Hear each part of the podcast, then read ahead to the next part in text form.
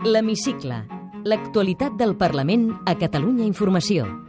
Amb Jordi Corbalan i el muntatge musical de Salva Pou. 72 vots sí, 63 no i cap abstenció. Atès el resultat de la votació, el Parlament de Catalunya atorga la confiança demanada pel president de la Generalitat. El president Carles Puigdemont ha obtingut la confiança del Parlament amb el suport dels diputats que formen la majoria independentista de la cambra. El debat de la qüestió de confiança ha marcat l'arrencada del curs polític al Parlament, que tindrà la setmana entrant al segon plat fort amb el debat de política general. Benvinguts al primer hemicicle de la temporada. L'Hemicicle. L'actualitat del Parlament a Catalunya Informació. Carles Puigdemont es compromet a posar les urnes d'aquí un any encara que no es pugui acordar amb l'Estat. O referèndum o referèndum. Ho repeteixo, o referèndum o referèndum. La CUP disposada a negociar els comptes, però avisa. Votar aquesta confiança no els dona a vostès carta blanca per poder emprendre una pressió política que pretengui obligar a ningú a votar uns pressupostos en què no creu. Catalunya sí que es pot sobreexplorar espais d'entesa a partir del referèndum. Nosaltres anirem, com diu el tòpic futbolístic, partit a partit. Ciutadans, populars i socialistes contra el referèndum de Puigdemont. Ustedes están en una bicicleta estática, están pedaleando, pero no se mueven. Ni vostè ni ningú a Catalunya convocarà un referèndum il·legal. M'ha entès bé? Que no condicionin la investidura a l'obtenció d'un referèndum sobre la independència. Les al·legacions de la presidenta Forcadell i dels membres de la mesa per la suspensió de les conclusions de la comissió del procés ja són al Constitucional. Ha de ser un Parlament, precisament el nom ja es diu Parlament, on es pugui debatre absolutament de tot de tot el que interessa als ciutadans i ciutadanes d'aquest país. Jo l'únic que he defensat és això. L'Agència Tributària de Catalunya tindrà l'estiu que ve 15 noves oficines i 800 treballadors. Ho fem ja sabent on volem anar-hi, tenim molt present que el nostre objectiu és la, assumir eh, la totalitat de les competències. Pren possessió del càrrec el nou director de l'oficina antifrau, Miguel Ángel Jimeno. Cal deixar molt clar per tota la societat l'exercici del dret a saber, que es dona amb això un gran pas contra la corrupció i avui respondrà al qüestionari de l'hemicicle en una frase... Soc Neus Lloberes i Massana, diputada de Junts pel Sí. El president Puigdemont ha renovat aquesta setmana la confiança del Parlament per continuar el procés independentista que vol culminar amb un referèndum d'aquí un any. El debat de la qüestió de confiança arrencava dimecres a la tarda amb la intervenció del president.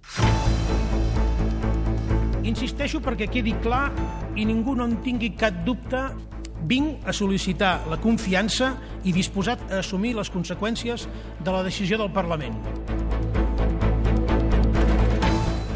Aconsello, per tant, que qui no tingui cap intenció d'aprovar els pressupostos, millor que ens estalvi el dubte i el temps i demà no m'atorgui la confiança que reclamo. Convenir que ja hem cobert amb escreix la dosi recomanable d'excepcionalitats i que fins aquí hem arribat.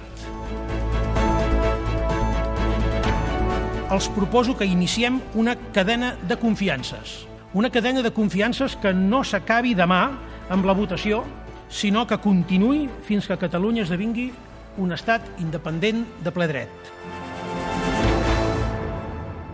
O referèndum o referèndum. Treballarem amb la voluntat de fer un referèndum acordable amb l'Estat en tot moment. Però si arribem al final de la legislatura i no hi ha hagut cap resposta positiva en aquest sentit, estarem preparats i a tot estirar convocar un referèndum per la segona quinzena de setembre de l'any que ve.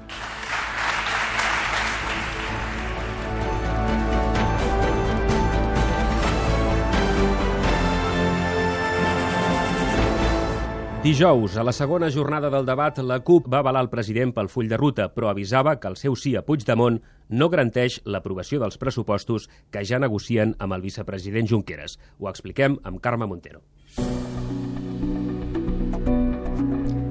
La diputada de la CUP, Anna Gabriel, remarcava que el vot afirmatiu a la qüestió de confiança no pressuposa d'entrada res de cara als comptes pel 2017. Que quedi clar, però, que votar aquesta confiança que avui votarem no els dona a vostès carta blanca per poder emprendre una pressió política que pretengui obligar a ningú a votar uns pressupostos en què no creu.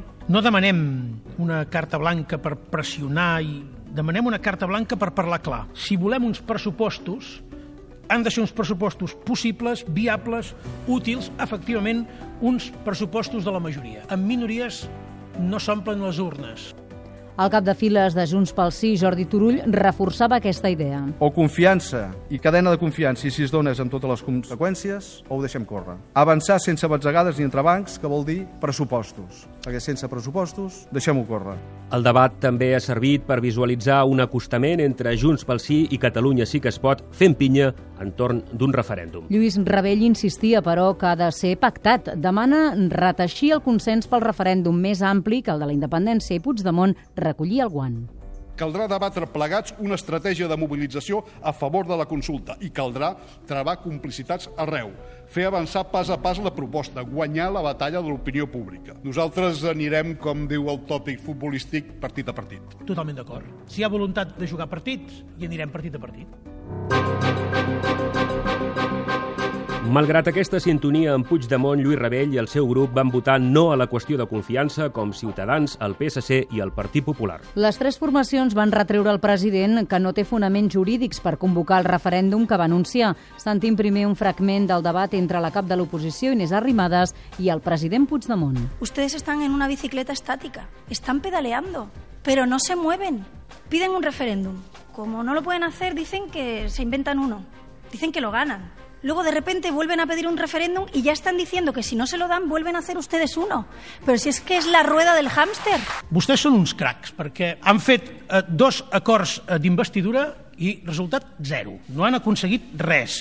Vostès, vostès parlant de bicicletes estàtiques, vostès aconsegueixen coses virtuals com aquell que agafa un Pokémon i es pensa que ha obtingut alguna cosa de veritat. No, no, és virtual, és virtual. En un to contundent, el popular Xavier García Albiol feia aquest advertiment al president de la Generalitat. Ni vostè ni ningú a Catalunya convocarà un referèndum il·legal. M'ha entès bé? Oi que m'ha entès bé? Té tota la raó, perquè no serà il·legal. Perquè el referèndum serà legal, com tot el que decidirem en aquest país. I el socialista Miquel Iceta demanava al president Puigdemont que no posi el referèndum com a línia vermella per negociar a Madrid. Tal sols els demano que es plantegin col·laborar amb el canvi polític a Espanya, que no condicionin la investidura a l'obtenció d'un referèndum sobre la independència. Crec que tots hi sortiríem guanyant, crec que els catalans i les catalanes hi sortirien guanyant. I si l'altra part no vol dialogar, negociar i pactar, tornem a dir quantes vegades més ho hem de tornar a dir? Perquè vostè el que, el que ens evoca, la seva lògica, és l'empat infinit. I estem farts d'empatar. L'hemicicle. L'actualitat del Parlament a Catalunya Informació. El ple de la qüestió de confiança ha donat, com dèiem, el tret de sortida al curs polític al Parlament durant el mes de setembre, però l'activitat a la cambra no s'ha aturat. Us expliquem ara el més rellevant. La presidenta del Parlament i la resta de membres de la mesa han presentat els respectius informes que els va requerir el Tribunal Constitucional arran de la suspensió de les conclusions de la Comissió d'Estudi del procés. Ho han fet amb matisos en els arguments, tot i que hi ha unanimitat a l'hora de defensar la llibertat d'expressió i el dret dels diputats a impulsar els debats a la cambra. Carme Forcadell explicava a Catalunya Ràdio que no li passa pel cap que la inhabilitin per haver permès la votació en el plenari de finals de juliol. Ha de ser un Parlament, precisament el nom ja es diu Parlament, on es pugui debatre absolutament de tot de tot el que interessa als ciutadans i ciutadanes d'aquest país. Jo l'únic que he defensat és això. També el Parlament, com a institució, ha presentat al·legacions davant el Tribunal Constitucional. Ho explicava el vicepresident primer de la mesa, Lluís Coromines. Per què presenta al·legacions? Doncs sempre es fa per eh, defensar els actes propis del Parlament. I, per tant, no és una novetat. Això s'ha fet habitualment i es fa doncs, precisament per defensar allò que el Parlament ha fet. Un dels membres que també va rebre el requeriment del Tribunal Constitucional és el secretari general del Parlament, Pere Sol. En acabar el ple de la qüestió de confiança, es va anunciar que Sol ha comunicat que renuncia al càrrec oficialment per motius personals i familiars. Ocupava el càrrec de forma interina des de l'octubre passat. El secretari general del Parlament és el màxim responsable de tot el personal i els serveis de la cambra. També compleix funcions tècniques d'assessorament als òrgans rectors. La mesa tractarà dimarts que ve el relleu de Pere Sol, que tornarà a exercir de lletrat al Parlament. El secretari d'Hisenda, Lluís Salvador, va explicar a la Comissió d'Economia el desplegament de l'Agència Tributària de Catalunya, que estarà en condicions de gairebé doblar la recaptació en un any. Passarà dels 1.200 milions d'euros actuals a més de 2.300. Al juliol del 2017 comptarà amb 15 noves oficines i fins a 800 treballadors. Lluís Salvador exposava així l'objectiu del govern. L'objectiu del govern de Catalunya és assumir les plenes competències fiscals una primera fase que planteja esgotar el recorregut eh, de caràcter autonòmic i una segona fase que planteja eh, desenvolupar eh, tot el que seria els tributs que en aquests moments està recaptant i gestionant l'agència tributària de l'estat espanyol.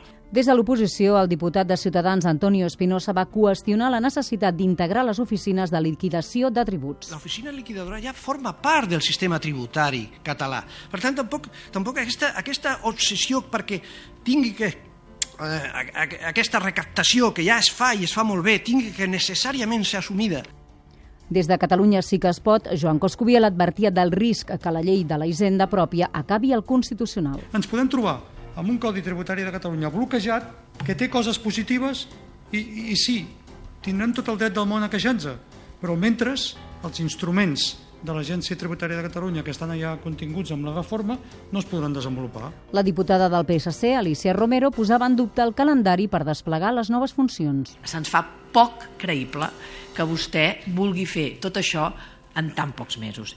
La diputada popular, María José García de las Cuevas, feia aquest advertiment al govern. No podemos apoyar el desarrollo de una agencia tributaria catalana que sea la base para saltarse la ley i des de la CUP, Eulàlia Reguant celebrava els avenços. En això estem, malgrat a nosaltres, sí, ens agradaria anar molt més enllà.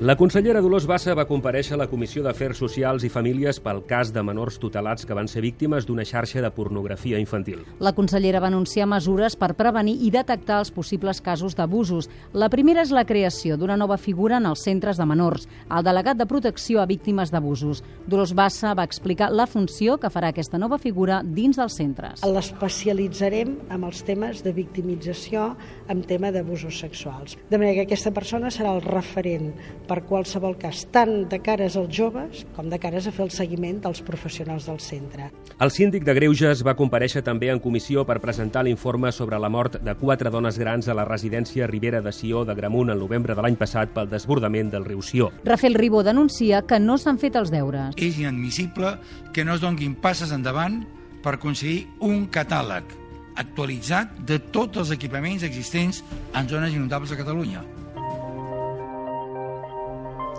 La Comissió d'Agricultura va aprovar la proposta de resolució presentada pel grup de Ciutadans instant el govern a elaborar un pla de transparència sobre la gestió i la inversió del canal Sagarra-Garrigues i la incorporació de més superfície de regadiu. Des de Ciutadans, Francisco Domínguez reclamava més transparència a l'hora de planificar les previsions massa optimistes del nombre de regants. Què tenim pensat per dinamitzar que la gent s'adhereixi amb aquest sistema? Precisament perquè la societat no vegi el canal Segarra-Garrigues com un focus d'obscurantisme i no sabem què s'està fent.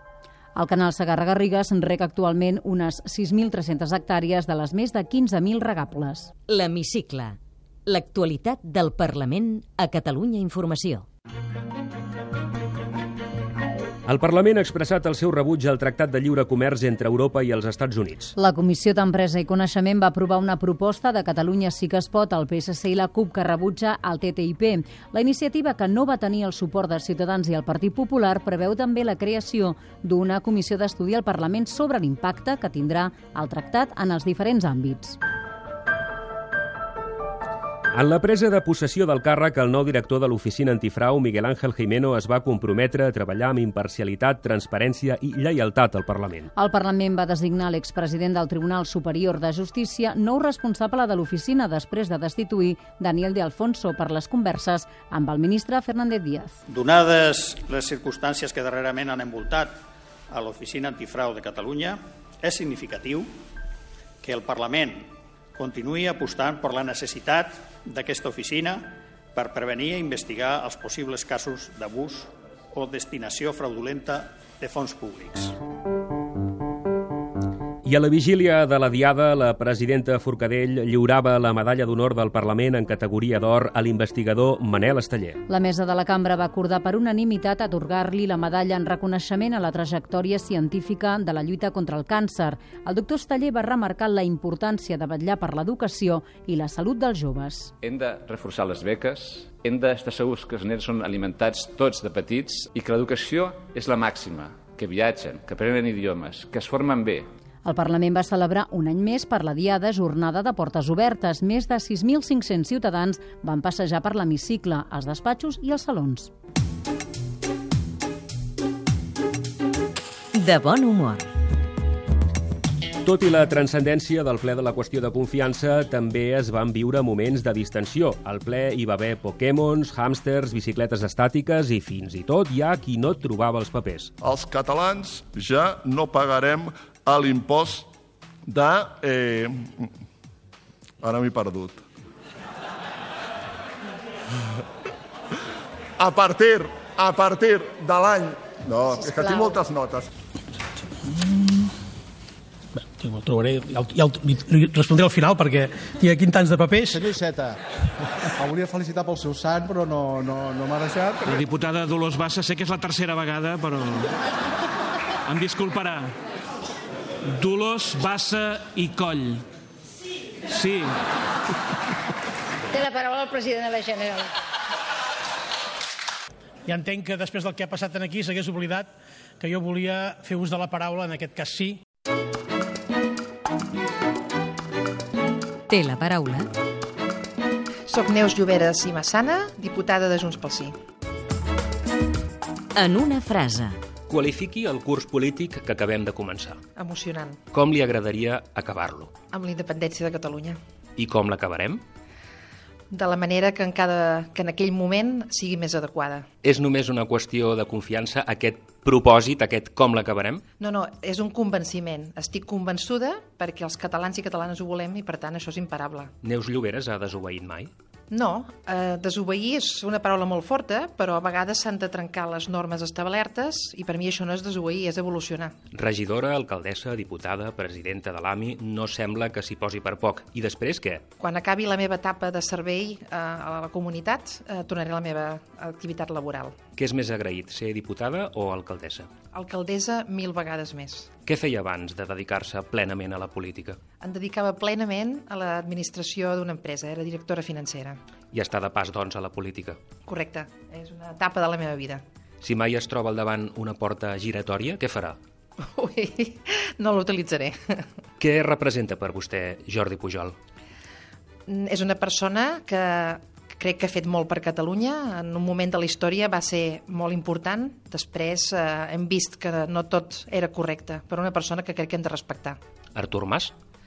Eh, també ha estat en un moment de la història molt important i ha pres decisions, crec, molt valents. Carles Puigdemont? Una altra, una persona, crec que el president eh, adequat per al moment històric que estem vivint. Ha votat o militat mai en un partit que no sigui el Partit Demòcrata Català, l'antiga Convergència? No, mai. El nom eh, sempre fa la cosa? No, el nom no fa la cosa, l'important és el contingut. Aleshores, per què els polítics pateixen tant pels noms? Jo no pateixo. Jo crec que l'important és tenir una bona definició dialògica més enllà dels noms. Quantes llengües parla Neus Lloberes? Parlo cinc llengües. Passa que les practico poc i les tinc bastant rovellades. Quines? Parlo català, castellà, alemany, anglès i francès. De petita va viure uns anys fora de Catalunya. Quin bagatge se'n va emportar d'aquella època? Jo crec que és important conèixer altres maneres de pensar, altres maneres de fer, t'enriqueix com a persona. Tenen alguna cosa a veure la política, les finances i les belles arts? Per mi sí. Les tres coses m'agraden, les tres coses m'hi dedico i crec que tot, tot t'aporta alguna cosa. Neus Lloberes encara pinta alguna cosa en el camp artístic, s'entén? Poc, poc, però quan tinc una estoneta intento recuperar els pinzells. El seu pare ha estat cantant d'òpera. Vostè s'hi atreveix? No, jo sóc la generació perduda. El meu pare cantava i la meva filla, però jo no. Per què deixa l'art pels números i després per la política? Va ser absolutament casual, però tinc entès que hi ha molta gent que es dedica a les finances que li agrada molt l'art. Quina banda sonora posaria a la seva vida? A veure, música, sóc fan indiscutible molt, molt, molt de Queen. Per tant, eh, qualsevol cançó de Queen m'agradaria per com a banda sonora de la meva vida. Un concert que no oblidarà mai. Jo el que més recordo són les actuacions que anava a veure del meu pare com a cantant d'òpera quan era petita. Digui'ns dues qualitats seves. Perseverant i, eh, i crec que sóc una persona responsable. I un parell de defectes? Sóc una mica tímida i massa perfeccionista. Què li agrada fer en el temps lliure? M'agrada fer esport, m'agrada pintar, m'agrada escoltar música i sobretot m'agrada estar amb la família. Ha pagat o cobrat mai en diner negre? No.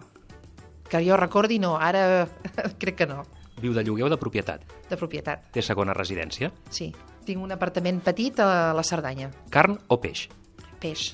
Com se li donen els fogons? L'especialista a casa és el meu marit. Hi ha alguna cosa després de la mort? Eh, tinc els meus dubtes, però crec que aquí hi ha alguna cosa. El seu racó preferit de Vilanova? La platja de Vilanova. Què li agradaria canviar de la seva ciutat? M'agradaria que tingués més protagonisme eh, dintre de Catalunya. Crec que Vilanova és una massa gran desconeguda, per tant ens hem d'obrir una miqueta més. Si no existís Vilanova, on li agradaria viure? Uf, no m'ho imagino, no ho sé. jo no, no he pensat en una altra ciutat. Ciutats del món que m'agradin, Nova York m'agrada molt. Neus Lloberes, moltes gràcies. Gràcies a vosaltres. Podeu tornar a sentir l'hemicicle al web catradio.cat i seguir l'actualitat del Parlament al compte de Twitter arroba cati-política.